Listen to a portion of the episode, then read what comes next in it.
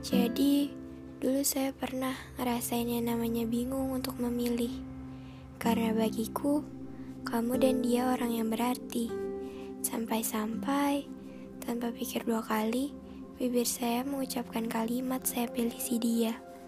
Tapi ternyata, hati emang gak pernah bisa berbohong. Ia berkata, saya pilih kamu, bukan dia. Tapi kenapa bibir saya malah berucap memilih dia? Pada akhirnya, saya mencoba menimbang-nimbang lagi mana yang harus saya pilih. Yang pertama sih kamu. Kamu baik. Kamu perhatian. Kamu selalu fast respon.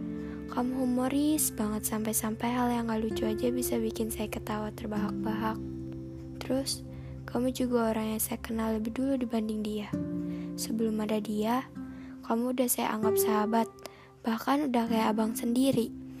Sampai-sampai, saya nggak tahu mana sikap kamu yang serius dan mana sikap kamu yang lagi bercanda. Pokoknya, dia udah apal banget tentang saya deh.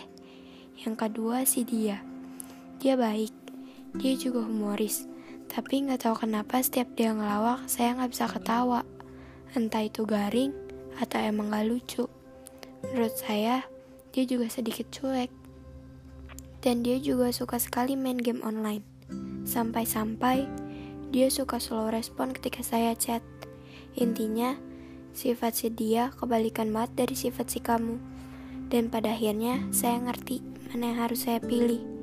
Pilih kamu atau pilih dia.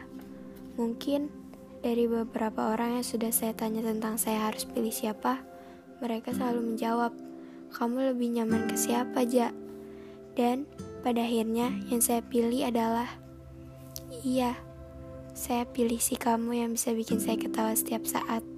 Emang sih, saya juga udah terlanjur nyaman sama kamu.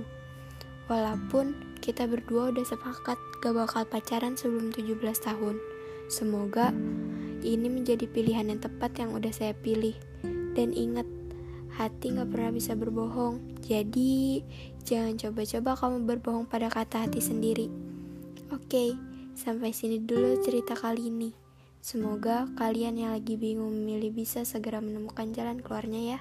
Sampai ketemu di cerita selanjutnya.